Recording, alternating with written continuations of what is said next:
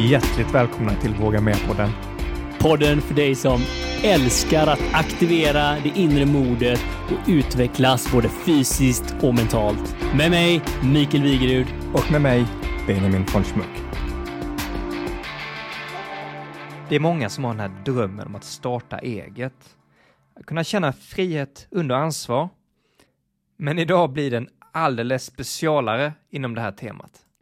För det handlar inte bara om att ha ett bolag med över 100 anställda, utan också hur det är att ha ett bolag på Sri Lanka. Så vi har skickat vår alldeles egen utrikeskorrespondent Mikael hela vägen ner till Sri Lanka för att då få prata med Anna Kalm om hur denna resa har varit att som svensk ta sig an denna utmaning men också dröm. Häng med!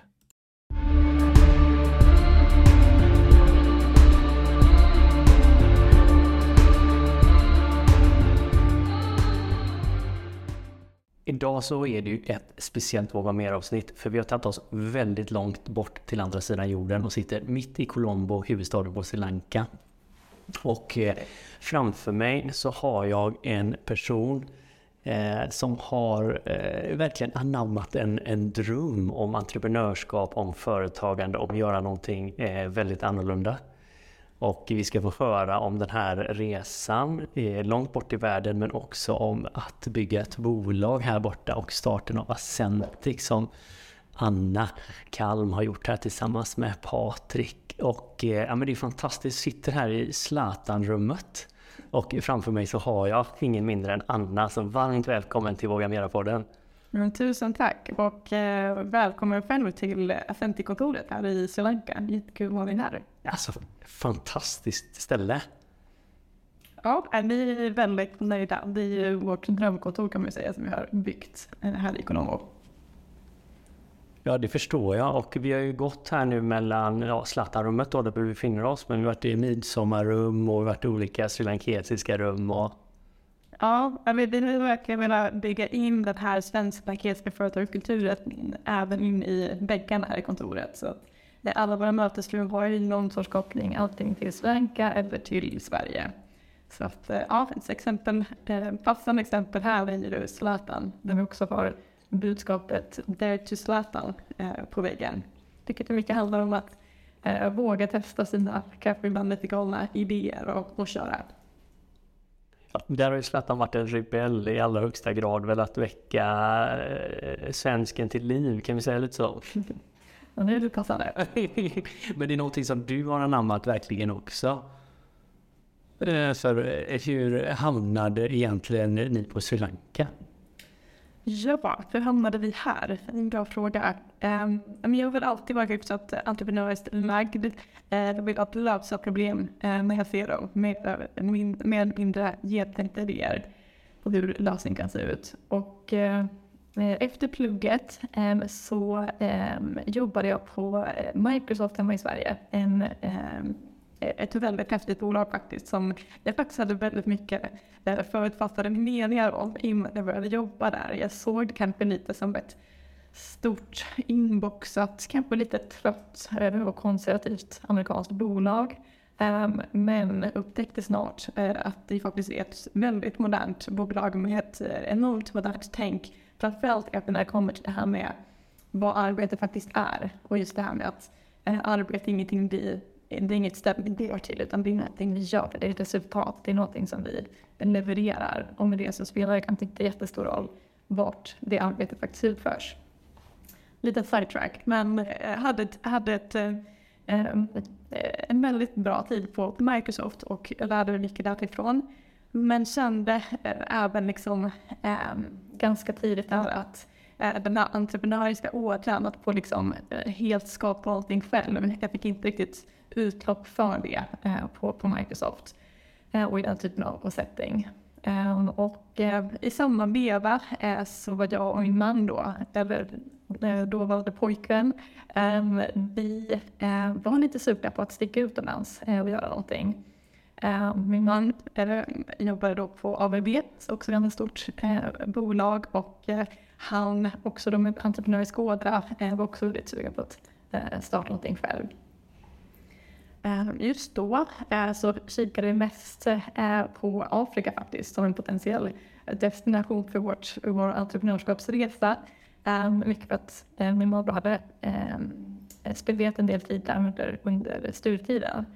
Men eh, på grund av en resa till Sri Lanka ehm, och ja, då liksom från att vi um, det vi visste om Sri Lanka var att de har elefanter där, de har väldigt bra surf, eh, ska de ha, och det verkar vara ett väldigt eh, fint ställe. Ehm, och just då så var det väldigt, eh, väldigt trendigt så att, att åka till Sri Lanka. Och det var just den här liksom lite oupptäckta pärlan i Sydostasien. Så att vi åkte dit eh, på semester, inga andra tankar än så. Och eh, vi blev helt enkelt störtförälskade i Sri Lanka. Eh, vi gillade människorna och eh, öppenheten, eh, också den här känslan av en potential och entreprenörskap som vi tycker att eh, man känner av så himla mycket i Sri Lanka. Eh, också förstås, för mig personligen, surfen det var en stark faktor till varför jag älskade Sri Lanka från första stund. Eh, naturen, det är en otrolig natur som vi har från de här stränderna och palmerna till, eh, till bergen och teplantagen och så, som är otroligt vackert. Så vi, vi gillade liksom landet från, från första stund. Eh, och då med den här eh, tanken liksom att när vi sticker utomlands och gör någonting så började vi kolla in på vad kan vi göra på Sri Vad har för typ av business? Vad finns det för möjlighet att, att sätta upp någon sorts verksamhet här? Och med min bakgrund från Microsoft eh, där jag också då har fått en inblick i eh, utmaningen som den svenska eh, IT-branschen har att när vi har en del få personer eh, inom olika kompetenser som behövs för all digitalisering och alla eh, tekniska innovationer som görs i Sverige idag. Så började jag titta lite extra eh, noga på just IT-branschen i Sri Lanka. Ehm, och där hittade du helt enkelt en, en, en brand på en marknad på stark uppåtgång. Eh, och som helt enkelt gav väldigt bra förutsättningar för att eh, sätta upp det här typen av business som vi eh, helt enkelt har, byggt under de senaste åren. Så ja, det var väl lite så här bakgrunden till hur vi hamnade på Sri Lanka. Fast forward till idag när vi sitter i vårt eh, jättefina härliga kontor eh, som jag byggt och flyttat in för något år sedan. För det känns ju lite overkligt idag när du säger så här, ni åkte hit på semester. Ja. Det fanns en bakomliggande dröm om att göra någonting annorlunda än eh, ja. kanske storbolagen hemma i Sverige. Och idag när man går in här eh, på det här kontoret så, så känns det ju som en, eh, jag på att säga, självklarhet och som att du föddes med eh, det här bolaget i... Ja, nej, det är alltså ibland när man tittar tillbaka så det, det är ju kanske det som man ibland behöver göra, att man behöver titta tillbaka och eh, för att faktiskt se liksom, liksom, inse hur långt vi har kommit från, från vart vi startade helt enkelt. Jag kommer ihåg att när vi flyttade dit så satte vi upp en del lösa målsättningar om vad vi ville få till. Och en av målsättningarna som jag kommer ihåg var, var någonting i stil med um, ja, men, um, driva någon sorts då konsultverksamhet inom IT eh, och kunna, kunna fakturera 50 000 i månaden. Och det är liksom, det är liksom så här, ja, på något sätt så visar ju det liksom så här, ja, men, ambitionen eller så här, målet man hade då mot vad man liksom har kunnat bygga och vad, som, eh, vad det är för bolag idag. Ja, vi har kommit ganska, ganska långt därifrån. Och samtidigt känns det som att det är bara vår vardag och vi liksom jobbar på och försöker leverera bra grejer till våra kunder och bygga vår arbetsplats precis på samma sätt som vi försökte då back in the days. det är så fräckt, för ni, du säger att ni kunde hamnat i Afrika, det fanns lite olika idéer. Eh, ni researchade lite olika, du och Patrik. Och helt plötsligt så, så såg vi det här att Sverige står inför en stor utveckling.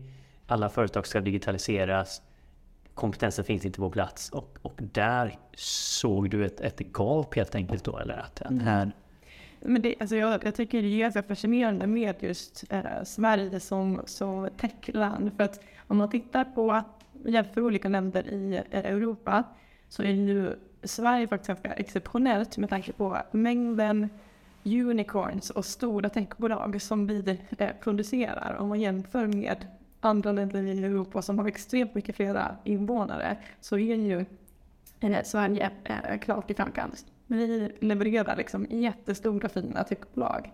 Men vi är fortfarande bara 10 miljoner människor. Så att det blir på något sätt ganska uppenbart att en kompetensbehovet som finns går inte att lösa med bara de personer som vi har på plats i, i, i Sverige. Och idag så sitter vi ju nu på Acentic. Ett, eh, om, man, om man inte känner sig igen, kan du bara ge oss en liten känsla. Eh, du hade ett första mål, men hur ser det ut idag? Hur många personer är ni? Och... Ja, men är nog väsentligt då, eh, eh, för de som inte känner till oss, vilket är de allra flesta förstås, eh, men vi är helt enkelt ett eh, ett mjukvaruutvecklingsbolag. Vi jobbar i princip bara mot svenska kunder. Eh, så det vi gör mest av allt är att vi sätter upp utvecklingsteams ehm, för svenska bolag som bygger någon form av digital produkt. Det kan vara en webbaserad tjänst inom rekrytering eller en mobilapplikation eh, som hjälper konsumenter på något sätt. Eh, olika typer av digitala tjänster. Och vi bygger helt enkelt då utvecklingsteams av duktiga utvecklare, designers, testare som sitter här i Sri Lanka Eh, och som jobbar liksom dagligdags då med sina kunder i, i, som är på plats i, i Sverige. Och idag så har vi ett team här i Sri Lanka på ungefär 100 personer, eh, inklusive då också eh, jag själv och, och min man eh, som fortfarande är operativa och jobbar liksom i bolaget och här i, i Sri Lanka. Och vi har också eh, ett tiotal personer hemma i Sverige. Eh, dels eh, utvecklare som har roterat till Sverige på vårt, i vårt rotationsprogram men också eh, en del eh, projektledare, eh, produktansvariga, den typen av mer eh, verksamhetsnära roller som vi också eh, erbjuder. För, för hur ser livet ut nu? Du, för nu vet jag att ni är snart på väg mot Sverige. Mm. Och eh, svensk sommar har jag hört att det, det lockar ändå lite grann. Alltså vissa brukar ju skoja om att vi lever eh, pensionärslivet. Eh, vi spenderar helt enkelt merparten av året här i Sri Lanka, ehm, men då framförallt vinterhalvåret. Eh, och sen så spenderar vi ett gäng månader ehm, i Sverige över sommarhalvåret. Så att vi får helt enkelt det bästa av båda månaderna. Ja, det låter ju helt fantastiskt alltså. Ja, det är ju ett upplägg med Jag tror att många som lyssnar skulle köpa in på det upplägget faktiskt. Men det är också så häftigt att se hur, hur det är möjligt idag att eh, alltså, inte bara liksom ha offerkoftan på i designen av livet utan detta har ju varit någonting som ni har jobbat för och manifesterat en, en dröm liksom att mm. kunna vara i båda länderna och kanske dra fördelar av båda länderna, både i livet men också i, i vad som faktiskt blir företag i Sverige. Mm. Nej, men och, och det finns ju många uppenbara fördelar med det här upplägget. För mig personligen så älskar jag det här med hur man får de här tydliga kontrasterna. Eh, vårt liv i Sri Lanka och vårt liv i Sverige ser ju väldigt olika ut och det är ju olika grejer som jag uppskattar med livet i Sverige jämfört med livet i Sri Lanka. Eh, men det hjälper ju också att på något sätt inte tar de grejerna för givet lika mycket. Eh, utan när vi kommer hem till, till Sverige till fetten någon vecka eh, och tar den där första ostmackan, helt vanlig ostmacka med kanske lite paprika på. Alltså det smakar så gott. och det är liksom att man inte har fått den där ostmackan på ja, ett halvår eller så. Um, men en sån enkel sak som alla vi som har spenderat mycket tid i Sverige uppskattar knappt en ostmacka. Nej, Precis, och det är, det är så man funkar liksom, att det man har runt omkring sig, efter ett tag så tar man det för givet och så börjar man skala de här grejerna som är ja, små och skitgrejer egentligen i, i det stora hela, men som eh, i det vardagliga livet blir större än vad det kanske är. Så att just det här med att man, man får de där kontrasterna tycker jag att hjälper att faktiskt se det positiva och eh, inte ta det för givet lika mycket. Vad har du nu som, eh, vad uppskattar du mest med eh, Sri Lanka när du är i Sverige? Um, oj, överraskning. I uh, grejer som, som jag saknar från Sri Lanka när jag är i Sverige uh, är dels surfen förstås. Uh, det är något av det som jag saknar absolut mest. Uh, en annan sak är cashewsmör. Cashewsmör? ja, alltså Sri Lanka har ju de absolut bästa cashewnötterna i hela världen. Och eh, jag brukar faktiskt göra eget cashewsmör. Att man helt enkelt mal, maler ner cashews. Jag brukar blanda i lite jordnötter också och sen bara lite olja och, och salt. och det är det godaste som finns. Eh, Och av någon anledning så gör jag liksom aldrig det hemma i Sverige. Jag vet inte om det är för att jag inte har de här fina lankesiska eh, uh, cashewnötterna eller vad det är. Men det är någonting som jag liksom faktiskt bara kör här i, i, i Sri Lanka. Så det är någonting som jag saknar. Eh, och något jag också faktiskt saknar inte mycket i Sverige, i, i, i det här kontoret. Ehm, I Sverige så har vi ju uppenbarligen inte byggt ett uh, jätteså fint kontor. eh, och uh, ja, det är något som jag saknar i bara det dagliga jobbet, att få det här kontoret. Och eh, hur är det åt andra hållet då? Åt andra hållet eh, så saknar jag eh, att ta promenader. Eh, Colombo har många fördelar men det är inte en jättepromenadvänlig stad och det är också väldigt mycket varmare än i Sverige. Så det här med att ha liksom en promenad till jobbet, eh, vi gör det, för vi bor ganska nära men man är genomsvettig när man kommer fram. Och eh, ja, bara kunna sticka ut och ta en promenad eller liksom eh, promenera till matbutiken och kanske ta en joggingrunda och, sådana grejer. Det är någonting som jag saknar och som jag verkligen uppskattar när jag kommer hem till Sverige. Att kunna traska överallt och ta en joggingrunda. Eh, och ja, eh, det är helt enkelt. Ah, och det är ju en sån sak som är så lätt att ta för given. Eh, och som du säger, det finns faktiskt i många delar av världen som inte det finns ju. Och Sverige är ju exceptionellt bra på det. Ofta fin natur även i storstäderna. Ja. Alltid hyfsat byggt för promenader och Ja. cykling. Och... Sen är det bara just den här, så här krispigheten i luften. Det är liksom, alltså bor man i tropikerna och har den här tunga liksom, värme, vilket jag också absolut uppskattar för, liksom så här, i, i november. Jag älskar att kunna ha det varmt och skönt. Men den här krispiga våren eller höstluften som jag har i Sverige, helt otroligt. Det, det påminner mig om när jag hade bott i Kina och då hade jag inte varit i Sverige på ett halvår, jag hade varit i Shanghai. Och så gick jag ut på Landvetter flygplats och jag kommer ihåg först typ det andetaget som du säger när det är svårt att beskriva tror jag, någonting som jag har tagit för givet hela mitt liv. Men typ andades in och så åkte min liksom blick så här upp mot himlen. Och så, så efter ett tag så här fick jag ont i nacken. Jag tänkte, vad är det du gör Mikael? Och så stod jag och stirrade upp mot den här klarblå himlen. Och så insåg jag, jag har inte sett blå himmel i princip på hela den här sexmånadersperioden. Och jag har inte varit i närheten av att andas in sån här ren, frisk luft. Ja. Ja men det är just, alltså det är någonting med det här med att kunna få återuppskatta för att de där grejerna som annars bara tar det helt för givet förstås. Eh, när man bara har det varje dag. Eh, dag ut och dag in.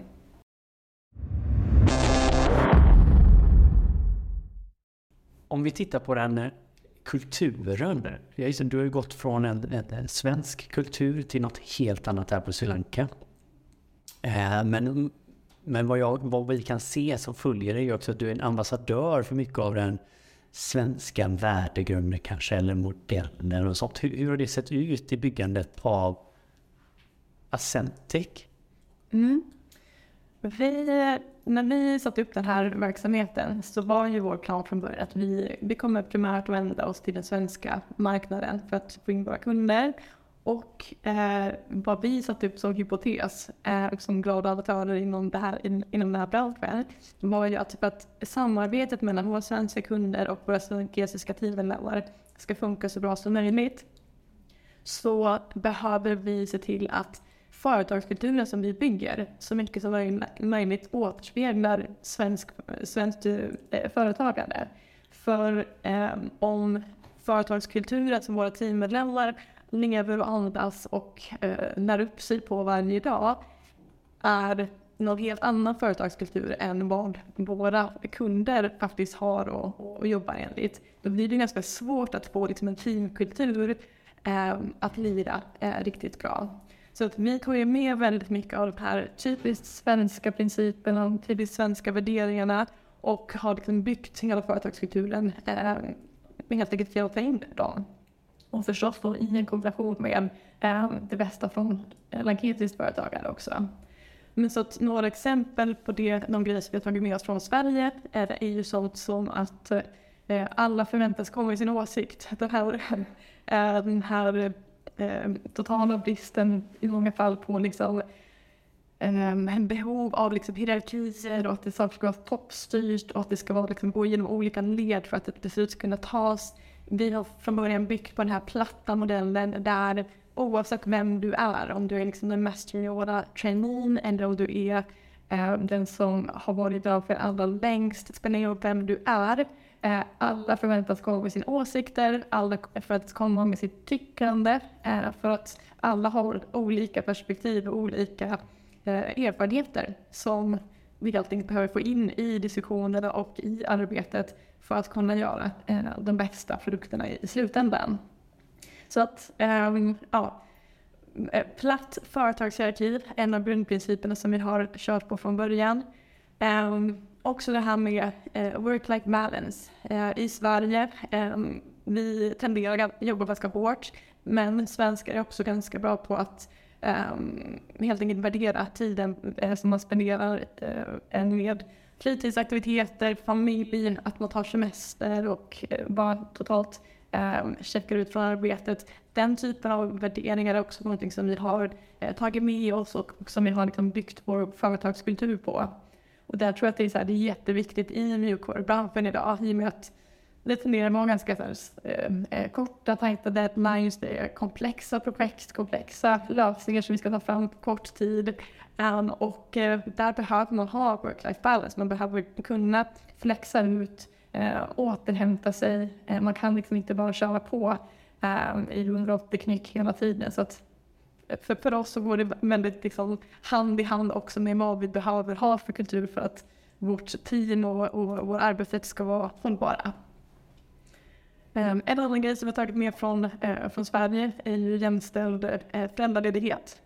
Um, I Sri Lanka så ser det ganska annorlunda ut med uh, föräldraledigheten och bara liksom i, i eh, själva grundstrukturen. Återigen det här med att, att barn tar för givet och så. I Sverige så är det ju staten som går in och pytsar in för, för eh, lönen, vad man ska säga. Att vi får pengar när vi är lediga med ett barn helt enkelt. Ja, precis. Företagen betalar inte under den perioden. Sen kan man argumentera att företagen visst betalar, betalar för det genom skatter och hej och Men eh, för företagen så Eh, får man helt enkelt inte, eh, har man inte den kostnaden när en person är på föräldraledighet till exempel. Eh, I Sri Lanka så är det företagen själva som står för kostnaden när personen är föräldraledig. Så att eh, om då till exempel en har går på föräldraledighet eh, under några månader så eh, ger företaget fortfarande lönen under hela den perioden. Så att staten går inte in med några pengar där. Um, och i Sri Lanka hur det ser ut enligt lagen eh, så behöver man som företag ge fyra månader för mammor, eh, liksom enligt lag, eh, när de har fått ett, ett, ett barn. Eh, för pappor, enligt lag, så är det en dag. En dag? Så helst är det. Eh, så det vill... Ska de vara hemma så länge? det är det, fall att de har möjlighet att se på, på förlossningen. Yeah. Eh, men om ni kommer hit och startar upp bolaget, alltså så här, när man kommer liksom som ett nytt bolag, man vill ju också så här aligna med, men, är det för standards och, och praktiskt som, hur funkar saker och ting här? Eh, så från början så har vi då liksom haft eh, Eh, policies, föräldraledighetspolicies som har sagt då att men för mammor så är det de här fyra månaderna som man får eh, och för pappor så har vi då gett en vecka. Eh, det har ändå gått upp lite från de här lagstadgade en, en, en dagen. Ehm, så att vi har haft fem dagar. Eh, och eh, för några år sedan eh, så gick jag runt och plötsligt så bara slog mig tanken liksom, det här är helt galet. vad, vad är det för liksom, ett, ett bolag som, eh, som promotar eh, jämställdhet och som vill eh, få till liksom en, en jämnare fördelning, ehm, en jämnare könsfördelning i, i den här branschen. Hur kan vi ha så eh, ojämställda eh, villkor eh, för föräldraledighet. Så då, eh, efter att den tanken plötsligt bara hade slagit mig, ehm, eh, så ändrade vi helt enkelt den policyn så att vi idag helt enkelt ger eh, fyra månader både till mammor och pappor eh, som blir föräldrar. Så att det, nu, nu känns det som att vi är på rätt spår även där. Um, och återigen då, liksom, någonting som vi sett att här, det här är faktiskt någonting som vi har tagit med oss som en positiv del från svenskt företagande till Sri Lanka. Och vi har faktiskt sett att efter att vi introducerade det som första bolag i Sri Lanka. Det är ju superhäftigt, alltså pionjärer. Ja, och eh, sen vi gjorde det så är det faktiskt ett gäng flera bolag som, Som här, ja, och introducerat bättre eh, föräldraledighet för pappor. Vilket är jättekul. Men tillbaka till vad som är lätt att ta för givet. Så när man sitter hemma i Sverige är det lätt att ta det här för givet. Och faktiskt här på Sri Lanka så är det revolutionerande första bolaget som tar ett steg i den riktningen. Och nu som du säger, många techbolag anammat och Ja, följer efter. Nej men verkligen. Jag tror att för oss, för att, komma tillbaka till det, det är en kostnad som vi tar oss, oss an i och med att de här papporna som är föräldralediga, vi, vi kan ju inte ta betalt för dem. De kan ju inte jobba i sina konsultuppdrag under den perioden. Men någonstans är det också någonting som eh, vi behöver ta som en investering i ett mer jämställt, eh, en mer jämställd eh, arbetsmarknad framåt. Men ser du också att dina kunder svarar positivt på det här? Och, Ja, absolut. Våra, våra kunder de gillar ju väldigt mycket det här med att vi introducerar svenska principer, att vi jobbar hållbart, att vi liksom helt enkelt jobbar för att ge eh, deras teammedlemmar så bra förutsättningar som möjligt för att kunna leverera, trivas på jobbet och kunna göra ett så bra jobb som möjligt. Det, det är ju inga helt lätta grejer detta som ni gör. Alltså både det här men även om man tänker work-life balance och sånt som stimulerar för personerna. Vi ser ju stora utmaningar med det i Sverige. Eh, men jag tänker nu, när jag sitter med dig framför som är småbarnsförälder, driver ett stort företag på två delar av världen. Alltså hur får du själv ihop eh, livet? Ja, det är en bra fråga. Det är ju jättemycket jobb, eh, så är det ju. Och jag tror att det handlar, för mig så handlar det väldigt mycket om att sätta upp eh, regler.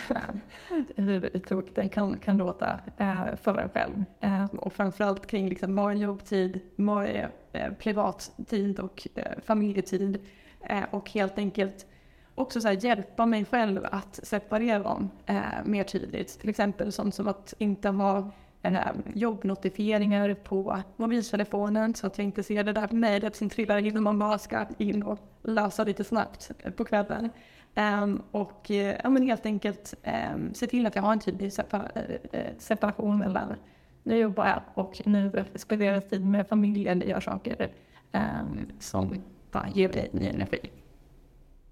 Vi pratade lite innan vi gick in här i rummet och då berättade du att du hade börjat då eh, studera ditt eh, sinne lite, eller ta lite munkverktyg. till. Vad heter den här boken du läser nu? Mm. Eh, think like a monk. Think like a monk. Med. Jag köpte ju den här boken i helgen så det väldigt... färskt. Ja, men, men det är en stor youtuber och eh, inspiratör för många tror jag i just det här och kanske förstå sitt sinne och förstå nerver och sånt. Jay Shetty. Eller, Ja. är Har han hunnit att väcka någon tanke hos dig? Mm. Men eh, jag är så tack bara börjat läsa den här boken. Men, någonting som jag redan verkligen gillade som han tog upp, eh, eller ett tankesätt som han tog upp, eh, är ju det här med eh, monkey mindset, eller monkey mind, versus då mer the monk mind. Eh, och där, eh, the monkey mindset, or monkey mind, I think, eh, jag tror att det är något som är väldigt vanligt eh, för oss idag. Och när man har ett jobb där det är väldigt många bollar att hantera. Eh, man med multitaskar väldigt mycket eh, och har väldigt många olika saker på sitt bord på samma gång som man behöver på något sätt vara on top of. Eh, och hur ens mind då tenderar vara som en, liksom en liten apa som bara eh, svingar sig mellan olika eh, frågeställningar, problem, ämnen, kunduppdrag och det bara liksom svingar sig i hej vilt mellan olika istället för att man bara tar en sak i taget, fokuserar, kanske löser det problemet, lugnar och tar en kaffe, tar en liten paus och sen så går man vidare till nästa punkt.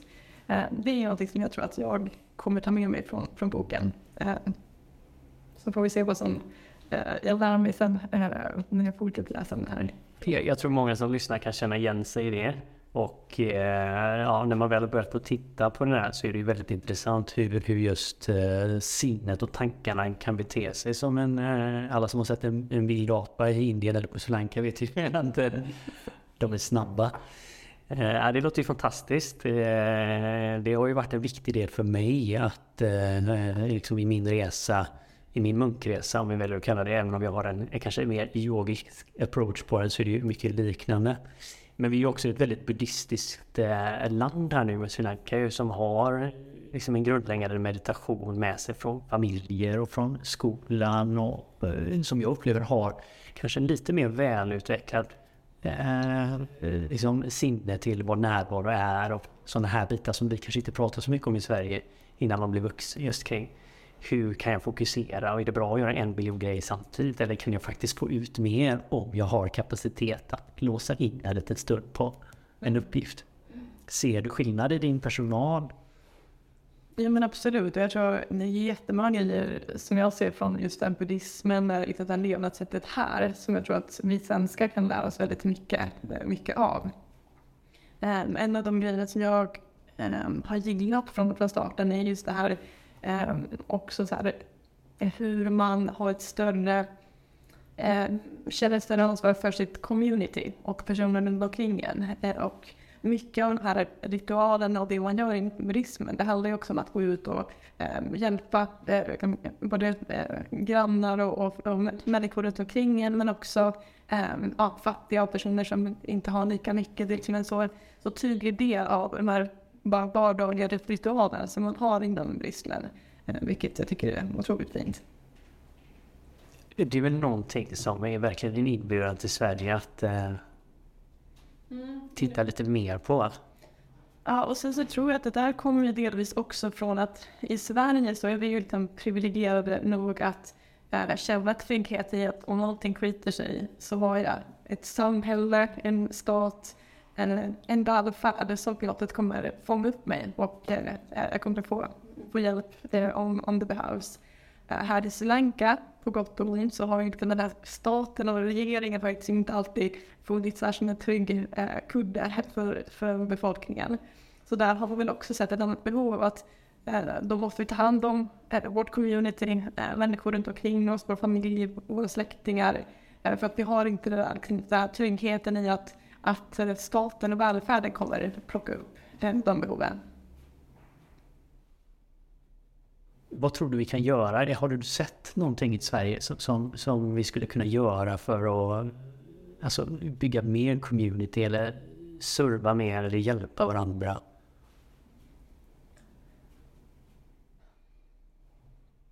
Men jag tror ju också lite så att vi pratade i det här Think Like a Monk så vi människor mår ju väldigt bra av att serva, hjälpa eh, andra runt omkring oss och liksom göra saker som är inte nödvändigtvis för vår egen nytta utan för helt enkelt för att det är gott för andra. Um, så jag tror ju att i Sverige, um, där vi idag liksom också kan vara ganska stressade, vi har jobb som är så otroligt viktiga och som vi måste liksom fokusera och lägga ner hela vårt, vår, eh, vår, vår energi och hjärta och all i. Um, så blir det som att man, man tappar bort det här lite med att, att okej, okay, vad, kan jag, vad kan jag göra för att bara gå ut och hjälpa andra? Um, andra i samhället, andra runt, omkring mig. Så jag tror att så här, någonting jag tror att många mår väldigt bra av är faktiskt att hitta sådana små saker i, eh, i sin vardag. Kanske um, hjälpa till på en läxhjälp.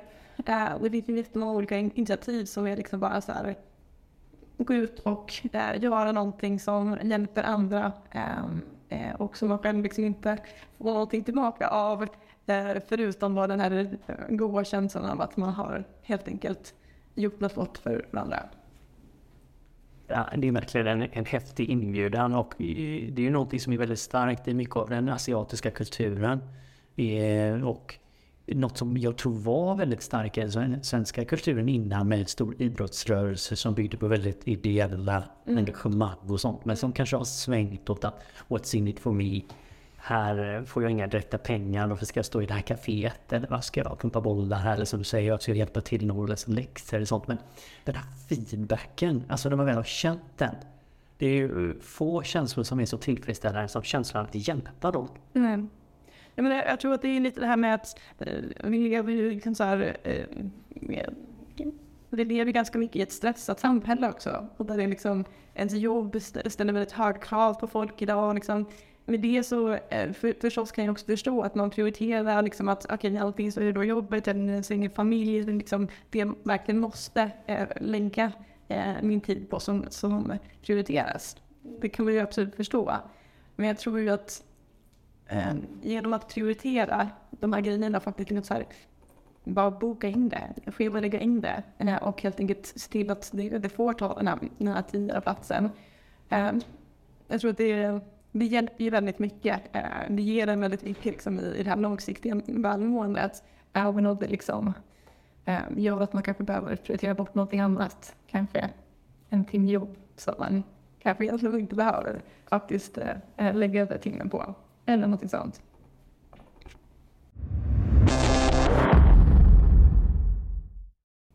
Vad skulle du ge för tips om man känner sig lite inspirerad och röra sig mer mot eh, techvärlden?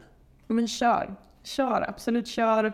Och eh, men testa själv. Alltså, Ehm, jag är själv en hobby-amatörprogrammerare. Eh, jag är verkligen inte bra på det. Jag är liksom bra nog för att förstå att jag aldrig kommer bli en riktigt bra programmerare. Ehm, men det är jätte, jättekul och det finns jättemånga bra eh, kurser eh, som man kan testa, sätta upp en enkel hemsida eller någonting sånt.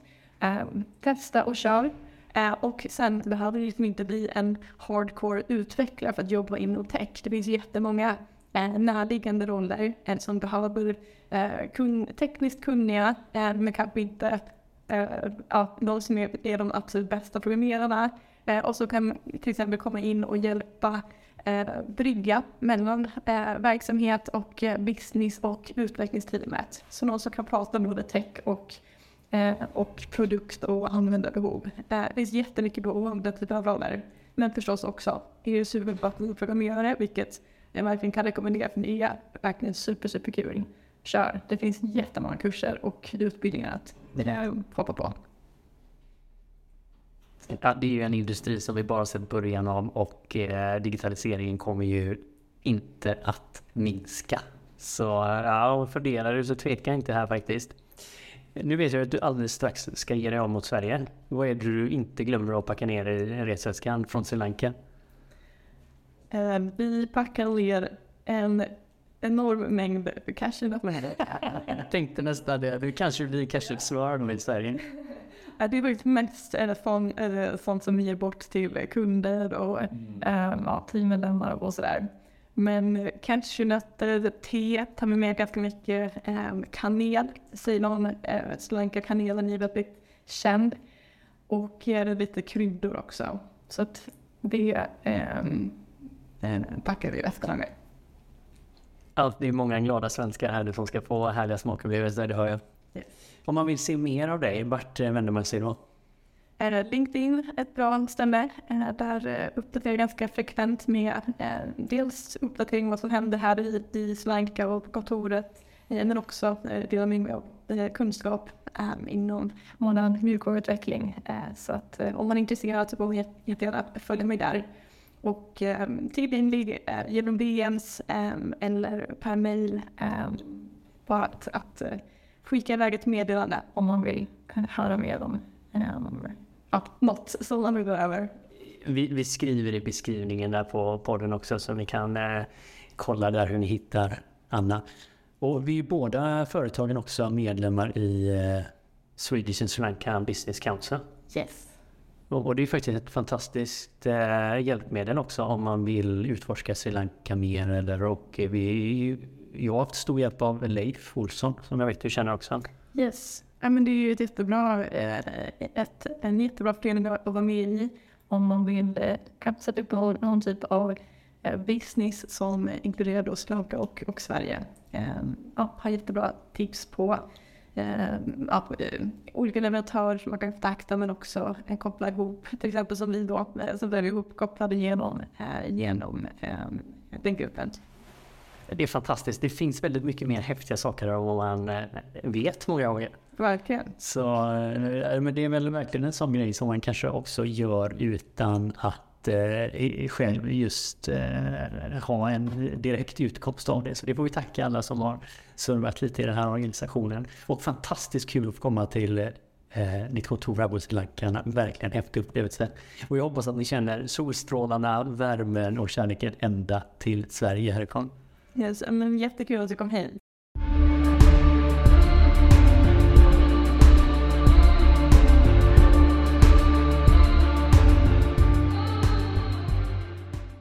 Du har precis lyssnat på Våga Mer-podden med mig, Benjamin. Och med mig, Mikael. Vill du höra mer av oss så måste ni ju såklart prenumerera på podden. Och det gör ni genom att ni klickar i den här klockikonen där poddar finns. Det brukar vara som en, en liten, liten, liten ikon. Så se till att ni hittar den så är ni med nästa avsnitt och nästa igen och nästa igen och nästa igen och ni är alltid uppdaterade. Och är det en sak som vi verkligen tycker om i Våga Mera-podden så är det ju att vi tillsammans engagerar oss. Så in på våra sociala kanaler, kommentera, dela och inspirera varandra. Ha en magisk vecka till nästa gång så syns vi snart igen.